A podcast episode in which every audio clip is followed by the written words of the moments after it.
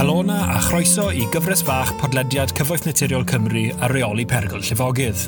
Fy enw i'w Llion Befan a dwi'n gweithio fel uwchswyddog cyfathrebu i Gyfoeth Naturiol Cymru. Yn y gyfres hon, byddwch yn clywed gan gwahanol dimes sy'n gweithio gyda gilydd i lehau perygl o lefogydd i gymunedau yng Nghymru. Bydd hyn yn rhoi trosolwg da i chi o beth yw perygl llefogydd, beth ydyn ni'n neud i reoli'r risg yng Nghymru, a pha effaith mae'r argyfwng hinsawdd yn ei chael ar berygl llifogydd yng Nghymru nawr ac yn y dyfodol. Helo a chroeso i benod pedwar o'r gyfres fach ar reoli berygl llifogydd gan Cyfoeth Naturiol Cymru. Heddi, mae Dafydd Sidwick yn ymuno â fi, a mae e'n mynd i siarad â ni am ein rhaglen gyfalaf. Y rhaglen sy'n gyfrifol am adeiladu ein hysedau rheoli perygl llifogydd. Croeso, Dafydd, a diolch am rhoi o'r amser i siarad gyda fi heddi. Uh, I ddechrau da, um, allai ti weid ychydig i fi am dy gefndir, ti'n modd ar hand y addysg llwybr gyrfa, sut ddes i, i reoli'r rhaglen gyfalaf? Ie, yeah, um, so ni wastad yn mynhau uh, diryddiaeth, mathemateg yn yr ysgol. So nes i studio um, well, diryddiaeth, mathemateg a ffiseg fel bynciau lefel A. Oedden o'n i'n wyddus i fynd i'r brifysgol i studio rhyw fath o diryddiaeth. Um, ond prif nod fi rili really, oedd mynd i brifysgol Cadydd So, so oedd ddim yn rhy bell, ond digon pell o gytre. Um, oedd Aberystwyth ar Erbwl yn opsiwn eraill, ond o'n i rili mo'n mynd i Cadydd. So, nes i edrych rili really, pa gorsau oedd y Prifysgol Cadydd yn cynnig yn hytrach na chwilio am cwrs penodol a wedyn gweld to, pa prifysgolion oedd yn cynnig e. So, oedd Cadydd, oedd, oedd, oedd, oedd cwrs dyn nhw diryddiaeth forol o fewn radran um, gwyddorau deiar. So, hwnna es i am rili. Really. So, ges i'r graddau ddisiau. Um, a es i gydydd i studio hwnna. So, yn y flwyddyn gyntaf, ddim mwy fel um, cwrs gwyddorau deiar fel lot o sort of, uh, geology type, type neu beth o'n i ddim yn rili licio fe gwbl. A wedyn yn yr ail blwyddyn, trydydd mlynedd, blwyddyn, oedd e sort of troi mewn i mwy o stuff deryddiaeth morol. Uh, so, nes i joio hwnna. Um, ond serch hynny, ar ôl gorffen prifysgol, o'n i ddim yn rili really gweld un yn defnyddio'r pwnc, o'n i wedi cael digon, o'n i jyst moyn neud rhywbeth hollol wahanol, o'n i a ni wedi cael digon o fe.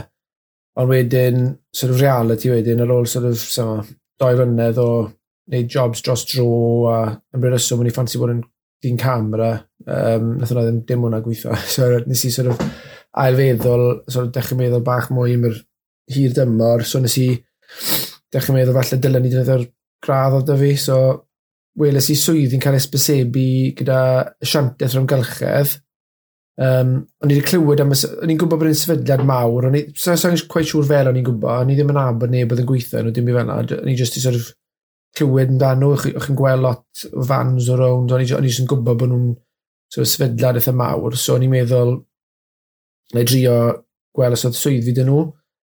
Um, so nes i dri am gwbl o swyddi yn gwahanol lefydd, a ges i um, gynnig dau swydd, oedd un mewn diwydiant, a wnaeth un dy asiantaeth yn amgylchedd, Um, oedd rhywun diwydiad yn bach mwy arian, ond ar y pryd o'n i jyst yn meddwl, wel, sefydliad llywodraeth, o'n i'n meddwl bydde modau gwaith da, dyn nhw, o'n i'n meddwl falle bydde mwy o gyfle, gyfleoedd i sort of symud rownd a sort of, bydde, well, job security sort of thing. So, nes i fynd am hwnna.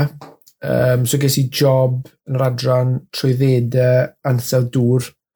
So, gall sa'n gallu dweud bod fi, wel, o'n i ddim, ddim rili really wedi cael yn eni yn arbennig i rôl na. O'n i just moyn sort of cael mewn i'r i'r cwmni, really, a wedyn gweld, so cael yn drod mewn, a wedyn gweld beth o'n i'n gallu neud yn ni mewn na, so yna beth nes i, really, nes i neud am tua blwyddyn, a wedyn nes i symud i gael swydd uh, yn y tîm hydrometreg a telemetreg, so ni'n really licio hwnna.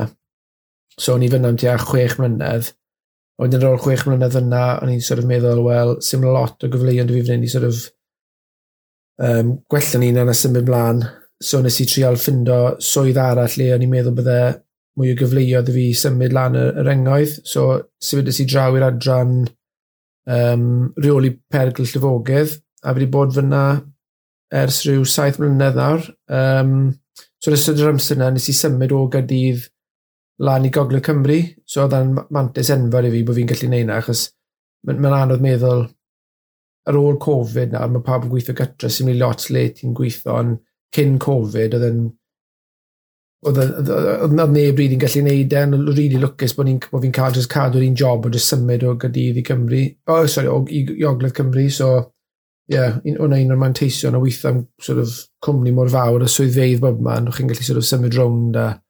So ie, yeah, so yna leifi nawr, really. A oedd wastad ati diddordeb yn yr amgylchedd neu mewn rheoli dŵr?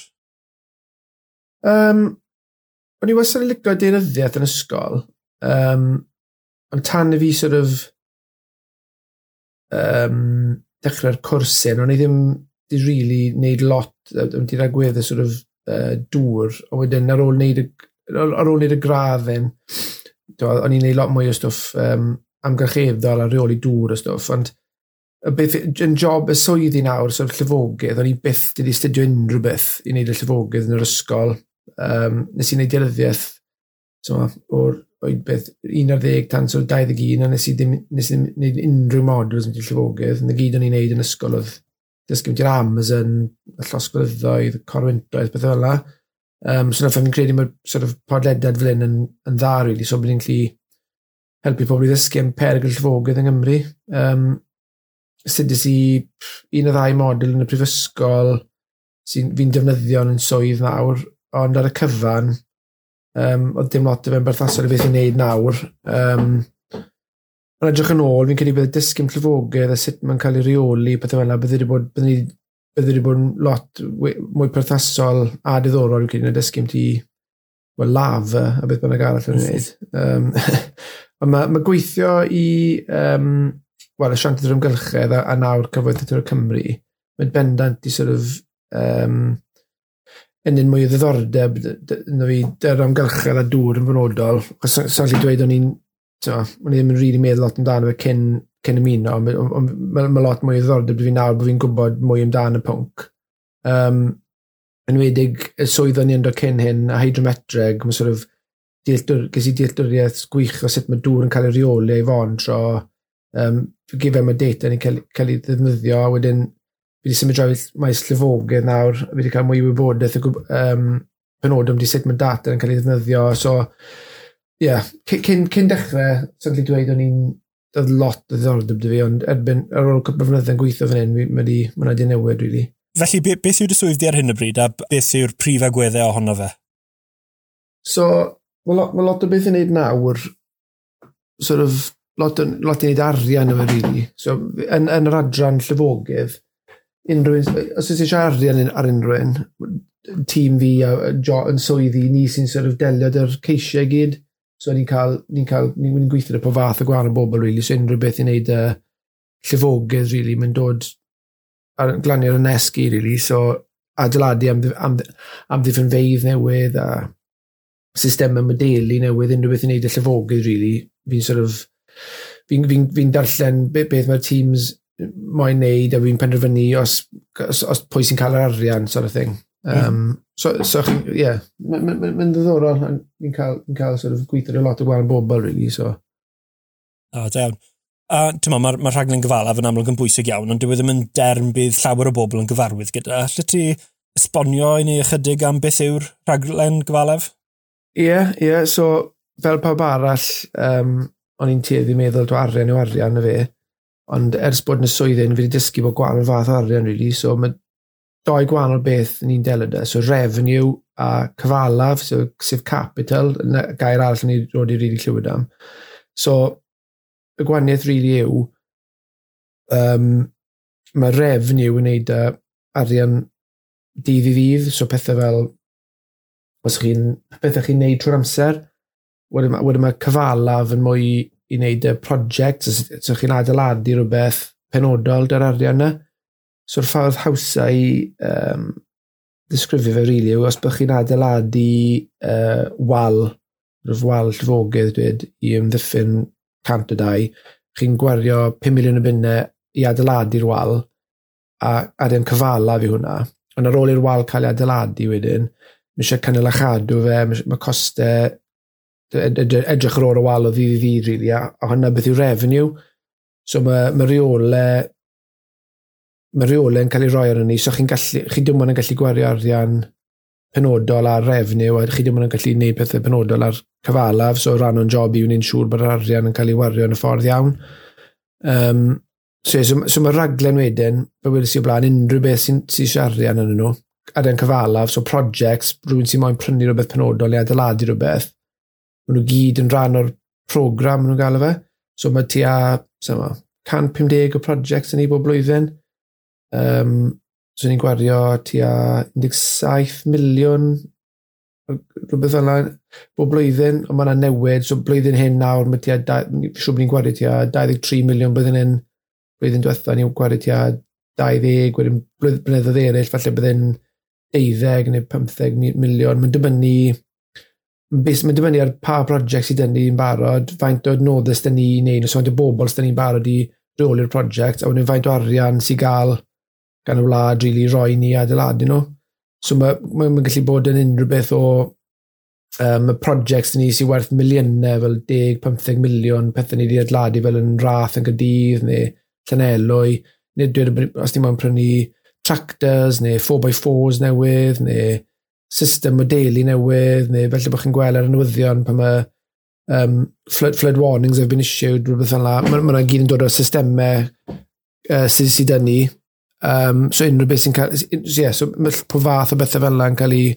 Nid nid jyst adeiladu walydd yw e, mae po fath o gwahanol projects really. So mae, mae po fath o bethau. So fe fi'n dweud, tua 150 o projects bob blwyddyn, so mae lot o wahanol pethau. A mae gyd yn cael ei reoli wedyn A wedyn jyst eisiau check o faint ni'n gwario bob blwyddyn a neud siŵr bod ni'n gwario'r arian yn gywir a os ni'n dweud bod ni'n mynd i wario 17 miliwn, neud siŵr bod ni'n gwario fe.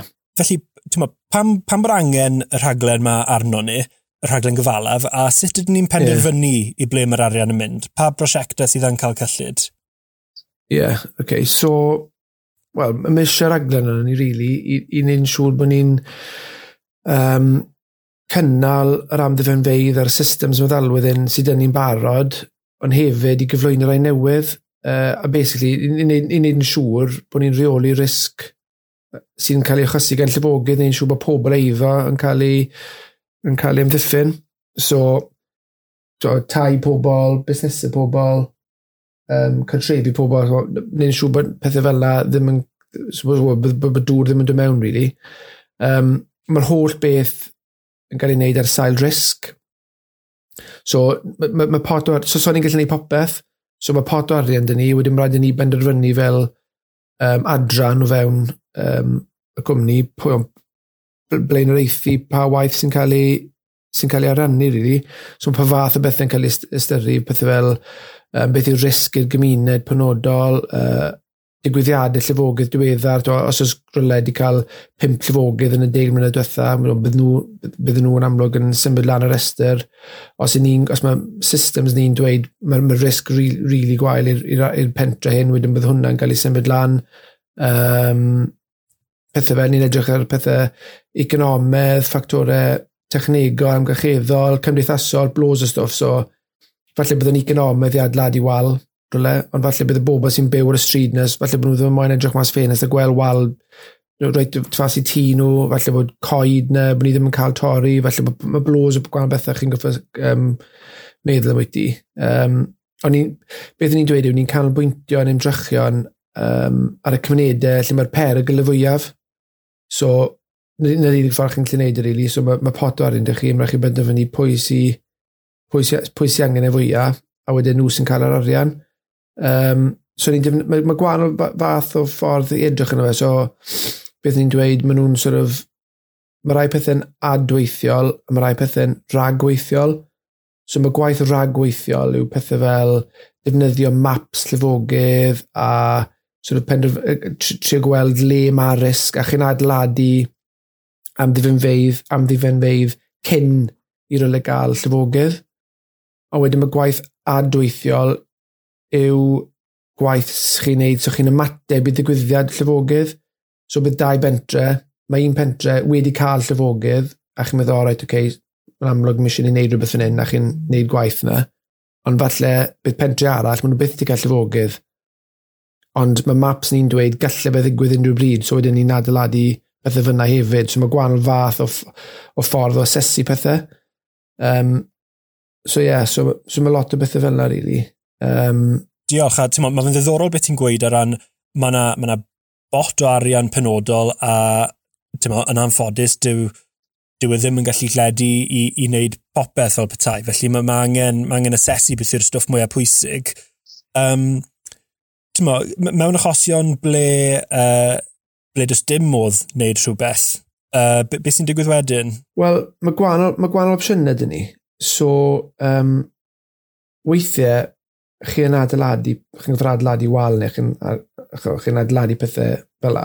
Ond weithiau, chi'n gyffod uh, meddwl mwy, oce, okay, falle bod dim opsiwn adeiladu rhywbeth achos o fe'n economaidd i wneud yn nes o fe'n dechnegol bosib. So wedi chi'n gyffod meddwl am pethau fel rybyddio pobl rydych yn amser nhw, so mae ma system ydyn ni le mae pobl yn cael galwad ffôn o dweud, yn, yn yr oriau nesaf, mae eisiau chi baratoi achos llyfogydd ar ei ffordd type na o beth. Neu os chi'n cymryd cam yn ôl, chi'n gweithio dy um, cynghorydd sir a pethau fel lai, ni'n siŵr bod pobl ddim yn adeiladu tai mewn llefydd le No, le, le lle sydd wedi cael llyfogydd neu le, le mae maps ni'n dweud mae'r ma, ma risg llyfogydd yna. So, beth, beth ni'n dweud yw, so chi'n gallu just adeiladu eich ffordd mas o'r broblem, mae rhaid i ni sort of um, Mae ma, ma, ma lot o gwael bethau chi'n chi dal dŵr nôl lan, lan yn y mynyddodd er enghraifft a y ffordd chi'n defnyddio'r tir, mae hwnna'n rhan o fe, os mae eisiau concret, mae eisiau adeiladu waled llefydd, o hefyd mae eisiau, fe fi'n dweud, gweithio'r pobl un siw bod ni ddim yn adeiladu tai mewn llefydd so bydd mwy o bobl mewn risg, a wedyn hefyd, mae eisiau pethau fel rybyddio pobl, so falle, os, os, os, os oes 8 awr tan mae'r llyfogydd yn cyrraedd, os chi'n dweithio nhw, maen nhw'n gallu symud i eiddyn nhw lan loft, maen nhw'n gallu um, symud pethau, so fi'n lleihau faint o ddifrod si, pethau fel yna. So mae lot o gwael opsiynau, mae ma popeth yn gyfer cael ei gynsidro. Mm -hmm. A tyma, ydy, um, ydy uh, pethau fel opsiynau naturiol i reoli risg llifogydd hefyd yn beth sy'n cael ei ystyried ydy, o dan y rhaglen yma? Ddim yna'n bwysig iawn, so mae project, mae wastad project ni'n edrych ar pethau fel la, so mae pob project ni'n neud, ni'n gyffod, ni gyffod meddwl am um, sut ni'n gallu um, defnyddio sort of pethau naturiol yn lle, so byddwn ni wastad yn trio edrych ar yr opsiynau yna cyn unrhyw beth so fel wedi sy'n flaen fel concrete a bethau fel am eisiau trial gweithio gyda natur. Ond beth sy'n bwysig fi'n credu beth sy'n bwysig i bobl wybod yw bod yw cyfuniad o bopeth yw e. So byddwn ni byth yn dweud stym eisiau concrete ni dim ond yn mynd i weithio dy natur. A byddwn ni byth yn dweud mwna, sy'n eisiau gweithio yn natur, ni just concrete bob man. So, mae'n bwysig i bod, bod bo ni'n ystyried popeth a bod rhaid, rhaid cael cyfuniad o popeth i fe weithio, just dim un ateb i llyfogydd, chi'n gyffo'n gwneud popeth ei gilydd. Ond ydy, mae'r ma, ma, ma busnes um, gweithio gyda, gyda natur yn, yn mynd fwy a fwy pwysig. Fe deud mlynedd yn ôl o beth yna, byddwn ni probi ddim yn gwybod byddwn ni ddim deall ateb y cwestiwn achos byddwn ni ddim yn gwybod beth, beth, beth, beth, beth ti'n sôn am yn erbyn heddi mae lot, a lot mwy o sôn, mae lot mwy o waith yn cael ei roi mewn i'r peth. Gwych. A tyma, wrth sgwrs fi wedi cael yn barod uh, yn y gyfres ma, mae'r ma, mater o tyma, newid hinsawdd uh, wedi dod lan mwyn lai mhob sgwrs. Um, pa fath o uh, ddylanwad mae hwnna'n cael ar, um, ar y gwaith yr rhaglen gyfalef? Bydd, bydd mae, ma newid hinsawdd yn cael effaith enfawr ar, ar, ar, ar y gwaith i ni'n neud. So nid yn unig, mae ma, ma mwy o lifogydd yn digwydd. So, mae ma jyst, mae ma rhaid derbyn e. yna. Mae mwy o mwy o bethau yn mynd i ddigwydd. So, mae eisiau mwy o arian i ddelyd o fe. Ond hefyd, mae eisiau meddwl yn wahanol. So, chi wedi just twli arno y peth. Mae eisiau meddwl yn wahanol hefyd. So, mae po fath o brosiectau o fewn yr aglen yn cael ei um, hysgogi gan y risg o newydd yr hinsawdd. So, mae rhan fwyaf o gynlluniau llefogydd newydd ni, mae nhw'n cynnwys um, rhag ymcanio newydd hinsawdd. So, dweud ar bod ni'n adeilad, adeiladu um, wal, so mae'r sylfeini yn goffa bod yn maint penodol, ond beth byddwn ni'n neud nawr yn neud nhw'n lletach er enghraifft, so wedyn, os oes eisiau codi lefel o wal am yn 20 mlynedd, 15 mlynedd, mae'r ma, ma, ma, ma sylfeini yn barod i gael, i gael yr uchder hyn. Ond on fel wedi sy'n yn gynharach, fi'n fi sôn, fi'n dyddio um, adeiladu wal fel enghraifft trwy amser, ond So ni'n gallu jyst adeiladu hunain mas o drafferth. So mae lot o brosiect eraill um, yn edrych ar um, newid hinsawdd a fel mae'r newid hinsawdd yn mynd i effeithio ni yn, y, yn yr hir dymor. So mae prosiect dyn ni um, gofynion buddsoddi hir dymor, so mae'n edrych ar um, rac amcanio newydd yr hinsawdd, fe mae'n effeithio yr assets a'r y sedau sydd dyn ni ar hyn o bryd. So ni'n edrych ar, do faint mae'n mynd i gosti i gadw nhw'n i lle am cam mlynedd, faint byddai'n costio i godi'r lefel yn cam mlynedd. Um, ni'n edrych ar cymunedau dros Gymru gyd, a ni'n edrych ar y lefelau, y môr er enghraifft, a ydy fe'n, i ni'n gallu, i ni gallu cadw pobl le maen nhw, neu ni'n goffer edrych ar opsiynau, i symud, symud pobl, neu um, gwy gweithio dy natur, really. So ni ffili just, ni ffili just adlad i wal rhwng, rhwng y wlad a disgwyl i bawb bod yn iawn. Mae eisiau ma meddwl yn wahanol, so yn anffodus mae ma, um, perygl o newid hinsawdd yn, yn, yn newid, well, mae newid y ffordd ni'n goffo gweithio, really. Mm -hmm. Na, mae fe'n uh, ma fe gymleth iawn ag yw e. Does dim uh, un atib uh, hudol. Na. Diolch yn fawr i ti am uh, gwario amser gyda fi heddi, David. Mae'n amlwg fod, uh, fod y gwaith ma'n bwysig iawn ond hefyd yn, yn, yn gymleth iawn er, er mwyn yn y pen draw, edrych ar ôl cymunedau yng Nghymru. Um, un cwestiwn yeah. olaf cyn i ni fynd, um, beth yw dy hoff rhan o dy swydd? Neu beth yw ti'n fwynhau mwyaf? Um, ar, ar, well, ar, ar amrywiaeth, all byddwn ni'n prawd dweud, so... Um, so nid just, nid just y gwaith yn y bobl hefyd, so fe wedyn sy'n mynd tua 150 o projects bob blwyddyn, so fi'n gweithio dy lli o wahanol bobl o dîmau gwahanol ar dros y busnes dramser, a'r prosiect gwahanol, so po fath o bethau. Um, so mae rhywbeth gwahanol ar y gorwyr bob amser yn y byd yn. Um, so ie, yeah, byddwn ni'n dweud yna, sort of gweithio ar y gwahanol bobl a just prosiectau hollol wahanol. Mae ma rhywbeth gwahanol fi bob, bob, bob, bob dydd, really, so ie, yeah, byddwn ni'n dweud yna. Wych, drach yn fawr, David. Dwi'n gobeithio eich bod wedi mwynhau'r benod hon. Os oes gennych unrhyw sylwadau neu gwestiynau, gallwch gysylltu â ni ar Facebook, Twitter neu Instagram, neu drwy'r cyfeiriad e-bost sydd yn nodiadau'r sioe yma. Fe welwch hefyd ddolenni un tudalenau gwe a reoli pergyl llifogydd, lle gallwch weld rhai o'r pethau dyn ni wedi sôn am yma heddi. Diolch am rando.